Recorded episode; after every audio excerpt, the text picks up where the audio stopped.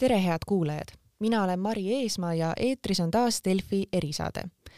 täna olen saatesse palunud Tartu Ülikooli Kliinikumi kriisikomisjoni juhi Joel Starkovi. tervist! tere! ja põhjuseks on ikka koroona, aga täpsemalt haiglaravi täna me siiski ei räägi niivõrd hetkeolukorrast haiglates, vaid sellest, mida pikaleveninud pandeemia ja kriisiolukord on Eestile õpetanud äh, meie meditsiinisüsteemi kohta. täna hommikuse seisuga vajab haiglaravi nelisada kakskümmend kuus patsienti, kusjuures see on oluliselt kõrgem eelmise kevade haiglaravi vajaduse tipphetkest. kaheteistkümnendal aprillil möödunud aastal oli haiglas sada viiskümmend üks koroonapatsienti. nüüd teise laine tipphetkel, mis oli siis neljandal aprillil, oli haiglas seitsesada kakskümmend seitse inimest. ja pidevalt on räägitud ka sellest, et piiranguid ongi meil vaja selle jaoks, et haiglasüsteem peaks vastu. kõrges tipus on nüüd ära käidud ja õnneks tulevad ka näitajad alla Joel Starkov, mida me oleme pandeemias saanud teada meie meditsiin, meditsiinisüsteemi võimekuse kohta? Ehm, noh, eks see on vaataja silmades kindlasti, mida me oleme teada saanud. Ehm, minu vaates me oleme teada saanud, et eh, Eesti tervishoiusüsteem on väga võimekas. me oleme käinud tõepoolest eh, väga kõrges tipus, me oleme olnud Euroopa nakatumiskordajate tipus ja me oleme seal tulnud koormusega äh, korralikult hakkama saanud, mis tähendab, et meil on äh, väga hea tervishoiusüsteem, võimekad inimesed ja pühendunud inimesed, alates kiirabist, perearstidest kuni haiglaravini välja. see on noh, niisugune ähm, kuidas siis öelda, hea ja patriootlik vaade ja see on suuresti tõsi, ma olen suuresti seda meelt, et äh, me oleme tõesti saanud taaskord kinnitust, kuivõrd hea tervishoiusüsteem meil on. aga siiski kitsaskohad on ilmselt ka, et äkki räägiks neist ka lähemalt? kindlasti on. mida selline kriis õpetab ähm, noh, tervishoiusüsteemi jaoks on see, kriisiga saab tulla toime siis, kui süsteemis on võimalikult palju paindlikkust. kindlasti ta õpetas meid olema paindlikum, õpetas meid olema kohanemisvõimelisem ja õpetas meid äh, tulevikku vaadates mõtlema nendele küsimustele, kuidas seda tagada, tagada paremini. ehk teisisõnu, et ei oleks äh, ka näiteks haiglaravis äh, personal nii väga spetsialiseerunud ühte või teist tüüpi haigetele, vaid näiteks õenduspersonal suudaks olla pädevalt teenindada igasuguste erinevate haigustega patsiente ja, ja vastavalt siis olukorrale ja olukorra muutumisele. õpetas see muuhulgas ka seda, kui tähtsad on teadmised ja teadmiste saamine. Kriisid tekivad ol olukordades, mis on meie, meie jaoks tundmatud. tundmatus olukorras on äh, ülima tähtsusega teadmiste kiire kogumine, äh, teadmiste põhjal analüüside tegemine ja analüüside põhjal otsuste äh, vastuvõtmine. seda me õppisime, kuivõrd oluline on ja saime teada, et meil on nende noh, niisuguste andmete kogumise mõttes veel palju arenguruumi, meil ei ole väga head andmestikku haigla, haiglaravi kohta Eestis, üle-eestilist või, või, või, või siis lõuna- või põhjapiirkonna kohta eraldi või ühe või teise haigla kohta eraldi. seda me saame palju paremaks teha. kas see tähendab siis põhimõtteliselt, kas see tähendab siis põhimõtteliselt seda, et et digilugu, mis meil tegelikult juba ju on kasutusel ja kus peaks olema kõigi inimeste terviseandmed äh, sees, vähemalt mm see, milliseid äh, äh, protseduure nad siis meie meditsiinisüsteemis on elu jooksul läbinud, et kas seda siis kuidagi arendada või mida te täpsemalt nende andmete kogumisel silmas peate?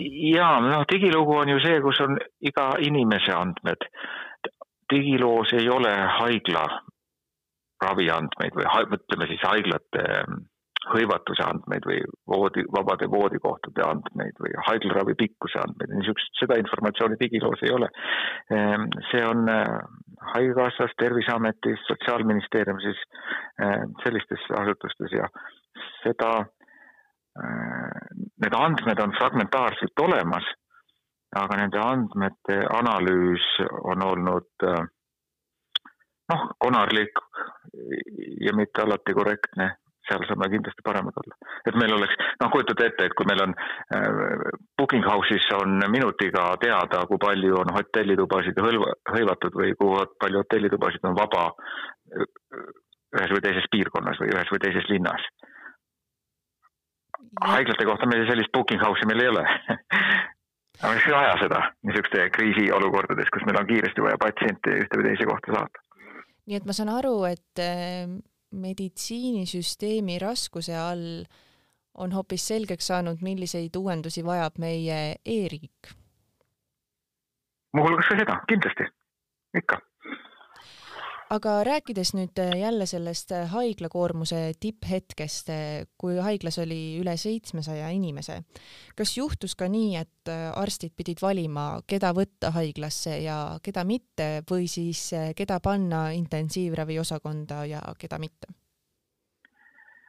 Tartu Ülikooli kliinikumis seda ei juhtunud, Lõuna meditsiinistaabi piirkonnas minu parima teadmise kohaselt ka mitte kuidas oli olukord eh, Tallinnas Põhjastaabi piirkonnas, ma tahaks uskuda, et ka, et sellist olukorda ei olnud, kuigi, kuigi me olime väga-väga lähedal seal äh,. oli olukordi, kus või hetki, kus Tallinna haiglad tõepoolest olid kõik voodikohad hõivatud, kus Tallinna intensiivravi voodikohad olid kõik hõivatud.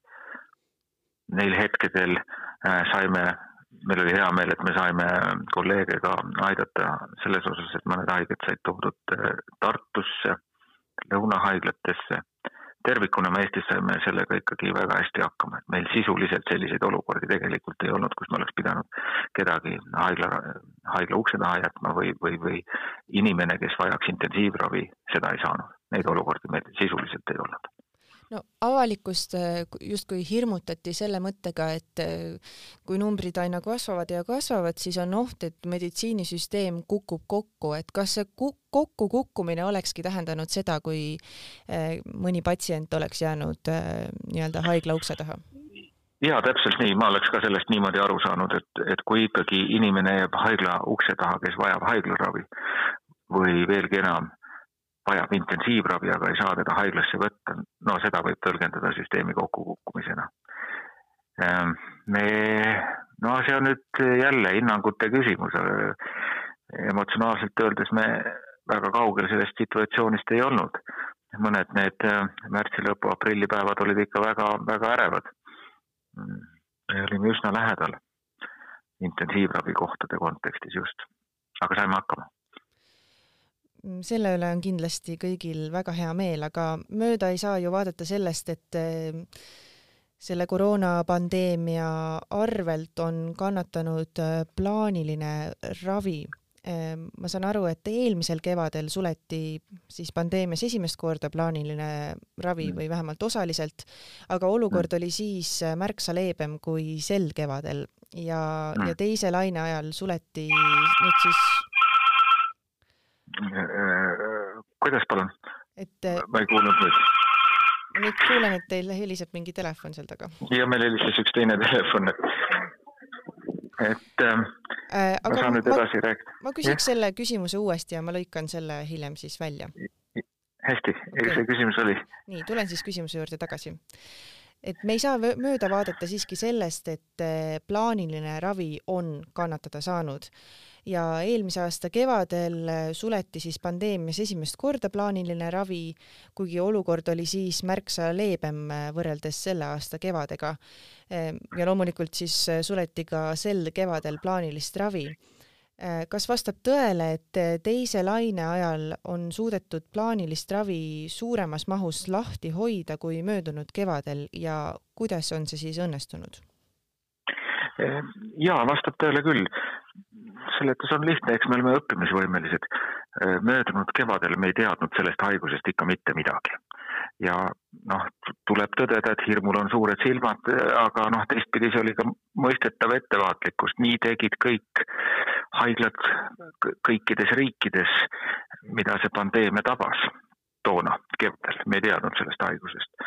täna me oleme targemad, me oskame kaitsta nii patsiente kui ka personali mm,, oskame ravida neid haigeid, noh, nende, nende teadmiste piires, mis inimkonnal täna on. Ja seega me saame eh, paralleelselt ikkagi teiste haigete raviga jätkata. tänane plaaniline haiglaravi on kliinikumis olnud vähendatud kaks, kahekümne protsendi võrra. noh, me vaatasime just neid andmeid, mis meil on kahe tuhande kahekümne esimese aasta algusest kuni nüüd äh, aprilli keskpaigani. meil on äh, üks kahekümne protsendi mahus tegemata siis plaanilist tööd, mida, mida meilt meie tellija Haigekassa on siis oodanud. nii et Ähm, me oleme seda õppinud äh, käituma selle haigusega koos elama ja järk-järgult äh, noh, jõuame enam-vähem sinnamaale oma raviplaanide täitmisega, mis, meil lepingutega, mida meilt lepingutega eeldatakse aga milliste osakondade arvelt siis see mm. plaanilise ravi peatamine mm. on tulnud, et eh, ma saan mm. aru, et ega nina-kurgu-kõrvaarsti kabineti sulgemine ju kuidagi koroonapatsientidele kasulik ja. ei ole? absoluutselt ja need on meil olnud lahti ja seal on töö käinud. Äh, suuremad nii-öelda kaotajad on olnud äh, erinevad kirurgia statsionaarsed osakonnad, ortopeedia, suurte liigeste proteesimised kindlasti on suuresti kaotanud noh, just plaanilise ravi osas. üldkirurgia, mm, uroloogia, võib-olla torakaalkirurgia, niisugused erialad, kes teevad erinevat tüüpi operatsioone plaanilises korras ja need haiged jäävad pärast operatsiooni haiglaravile ja vot seda sektorit me ei suuda täies mahus tagada, sellepärast et nende osakondade personal on siis läinud tööle koroonaosakondadesse esiteks, et teiseks operatsioonitubade personal on läinud tööle intensiivraviosakondadesse. aga nüüd, kus hakkab see plaaniline ravi tasapisi taastuma, siis ähm, kas üldse kas haiglad jõuavad üldse nii-öelda tagantjärele need kõik inimesed, kes on ootel ära ravida, et äh, tõenäoliselt need asjad, mis te kirjeldasite, kõlavad äh, mitte just sellise nohu ja köhana nii-öelda, et mm, -hmm. et ilmselt ikkagi tõsised asjad, mis nõuavad no, juba kirurgilist sekkumist. jaa, täpselt, muidugi on nad täpselt peame jõudma või küll me jõuame. lihtne see ei ole ja see on suuresti personali ülekoormuse arvelt ja noh, eks me peame siin otsima niisuguseid optimaalseid lahendusi me peame väga arvestama ka meie personali suutlikkust, noh üle võimete inimesed ei ole võimelised tegutsema. suur osa seda kevadist tööd on tehtud äh, ületundidega, meie õed, osad arstid äh, on ikka töötanud oma tavapärasega võrreldes topeltkoormusega. me peame leidma võimalust nendele ka niisugust puhkust anda ja eks me siis paralleelselt püüame mm, need plaanilised kirurgilised protseduurid ikkagi äh, sügiseks, aasta lõpuks järk-järgult tasa teha. ootame ja loodame, et meil ei tule lihtsalt äh, uut piiki või olgu see siis kolmas või neljas laine no.. et, et, et, et see võib veel kõiki neid plaane uppi lüüa personali ülekoormuse juurde jõuame ka varsti, aga ma küsiks veel eh, meditsiinisüsteemi koormuse kohta, et eh, nüüd, kus loodetavasti pandeemia saab peaaegu läbi või vähemalt see lainegi, et eh, siis ilmselt koormus meditsiinisüsteemile tervikuna ju ei kahane, sest et koroonatüsistustega patsiente on palju ja ilmselt ka erineva raskusastmega. ja kusjuures ma saan aru, et eh, edaspidi ei ole palju tööd ainult eh, kopsuarstidel, et eh, koroonast taastuvaid patsiente on ka selliseid, kes vajavad ma ei tea, kardi-, kardioloogi abi või, või ja, isegi ja. abi uuesti liikuma õppimisel, kuidas, kuidas sellele süsteem vastu peab äh,? Noh, ma uskun, usun, et süsteem on ikkagi, tervishoiusüsteem on nii palju suur, et, et need haiged absorbeeritakse siia süsteemi ja saavad oma vajalikku ravi seal, kus vaja. ja, ja noh, ütleme neid koroonahaigeid kõigist haigetest siiski, siiski on kuskil kuuendik või viiendik, et see siis viis kuuendikku või neli viiendikku on teiste haigustega põdejad. noh, need koroonahaiged mahuvad sinna kõrvale. et, et, et me saame ka nendega hakkama, aga tõsi on see, et me näeme uut haigust, uutmoodi tüsistusi Mm, see haigus on tõepoolest, esiteks ta kestab ägedas faasis pikalt ja lõpuks need kroonilised tüsistused võivad tõesti võtta nädalaid, kuid, pool aastat, enne kui inimene taastub sellest haigusest. Et, et, et see on muidugi, kui, aga noh, tervishoiusüsteem tervishoiusüsteemiks ennekõike on see ju eh, koorm, noh, niisugune inimeste ja patsientide eh, läbielamised ja, ja hakkamasaamised, mis meile muret valmistavad, et kuidas selle haigusega hakkama saada aga räägimegi nüüd siis äh, inimestest, aga enne veel ma korraks küsin, et kas teil on mingisugune müra seal taustal, et see tuleb hästi intensiivselt siia sisse, et no ma loodan, et nüüd enam ei ole. Mhm, okei, ma siis selle väikse jupikese lõikan ka pärast välja, aga hästi, lähen siis. ma lihtsalt, ma olen hotellitoas siin on ma ei saa kuidagi seda, üks hetk ma katsun nüüd veel leida mingisuguse vaikse nurga, ehk ma nüüd saan kohe, ma äh, siis lõigaks jälle vahepeal välja.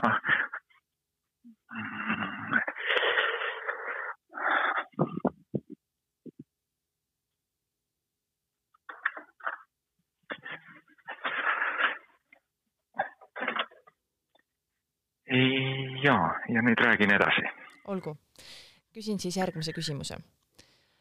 Äh, räägime siis ka inimestest ja just nimelt äh, siis haigla personalist, et äh, minu meelest pandeemia algusest saadik on räägitud sellest, kuidas meditsiiniline personal töötab suure ülekoormusega ja ka sellest on räägitud, et on personali nappus. no ma saan aru, et ega haigla ei saa ju kollektiivpuhkust endale lubada, aga kuidas siis premeerida oma haigla töötajaid, kui pandeemia hakkab läbi saama, et näiteks Maxima, mis muidugi pole haigla, aga mhm. -huh tema, Maxima on äh, kuulutanud välja, et äh, loosib vaktsineeritud töötajate vahel välja puhkusereisi, et äh, kas haiglal võiks olla sarnased mõtted? no kõik mõtted, kuidas personali mm, tunnustada ja kiita on, on teretulnud ja, ja, ja kaalumist väärt. noh, puhkusereisi me tõsi välja välja loosinud ei ole küll aga noh, niisuguseid ühisüritusi me planeerime, kui neid vähegi võimalik osutub teha, siis me seda, seda planeerime teha. Äh, äh, puhkuste teema on hästi oluline, inimestel, paljudel inimestel on jäänud nende korralised puhkused välja võtmata, need on edasi lükatud. me teeme kõik, mis võimalik, et nad saaksid oma puhkused äh, tagantjärgi ära kasutatud ja puhatud nii et sobitades selle siis sellesse tavatöö graafikutesse. ja, ja noh, personali jaoks ütleme need, kes konkreetselt Covid sektoris töötasid, kehtisid ja kehtivad selle töötamise ajal ka teatud niisugused soodustused, mis ehk teevad seda elu lihtsamaks või seda koormust ja talumist kergemaks. oli, oli, oli eraldi lisatasu sellest ja toitlustamine tagatud ja niisugused äh, muud mõned väiksed momendid. No loodame igatahes, et äh, kõik äh, meditsiinitöötajad ikkagi lõpuks saavad oma välja teenitud puhkused realiseerida. aga lõpetuseks ma küsiks nii palju, et no kõik ootavad eh, suve justkui valget eh, laeva, aga suvi iseenesest ju täielikku lahendust eh, probleemile ei too, vaja on ikkagi enamus elanikkonnast ära vaktsineerida. Siiski juba hoiatatakse ka sügisese kolmanda laine eest ja isegi siis, kui on seitsekümmend protsenti elanikkonnast vaktsineeritud. mis teie arvate, kas meid ootavad ikkagi sügisel ka ees piirangud, isegi kui me suudame selle eesmärgi täita et, et seitsekümmend protsenti elanikkonnast äh, ära vaktsineerida suve lõpuks? No see pandeemia on õpetanud muuhulgas ka seda, et, et me peame olema head ja kiired kohanejad ja, ja me püüame väga täpselt ennustada, jah, me oskame ennustada siin paari nädala, võib-olla kolme nädala, nelja nädala ees seisvaid sündmusi selle haiget, haiguse nakatumist tulevaid, tulenevalt. aga nüüd ennustada seda, mis saab sügisel, noh, see on tänamatu, see on niisugune noh arvamine, me ei, tegelikult me ei tea, tegelikult me ei tea praegu, et me, kas sügisel tuleb see kolmas laine või ei tule. Ja mina soovitan pigem seda, et, et võtta siis selles suves nendes hetkedes, kus meil nakatumine loodetavasti on madal ja kus inimesed on vaktsineeritud mm, äh, leida siis äh, optimismi ja positiivsust et kasutada kõike seda, mis tolles ja konkreetses hetkes siis võimalik ja lubatud on. et ikka igast hetkest leiab midagi positiivset, kuidas suvi on ilus aeg. piirangutega või piiranguteta ikka leiab eh, midagi hingekosutavat ja meelt ülendavat. sellise positiivse noodiga on ju igati tore saadet lõpetada. head kuulajad, eh, selline sai järjekordne Delfi erisaade. saates oli Tartu Ülikooli Kliinikumi kriisikomisjoni juht eh, Joel Starkov. aitäh kõigile, kes kuulasid ja kuulmiseni! aitäh teile!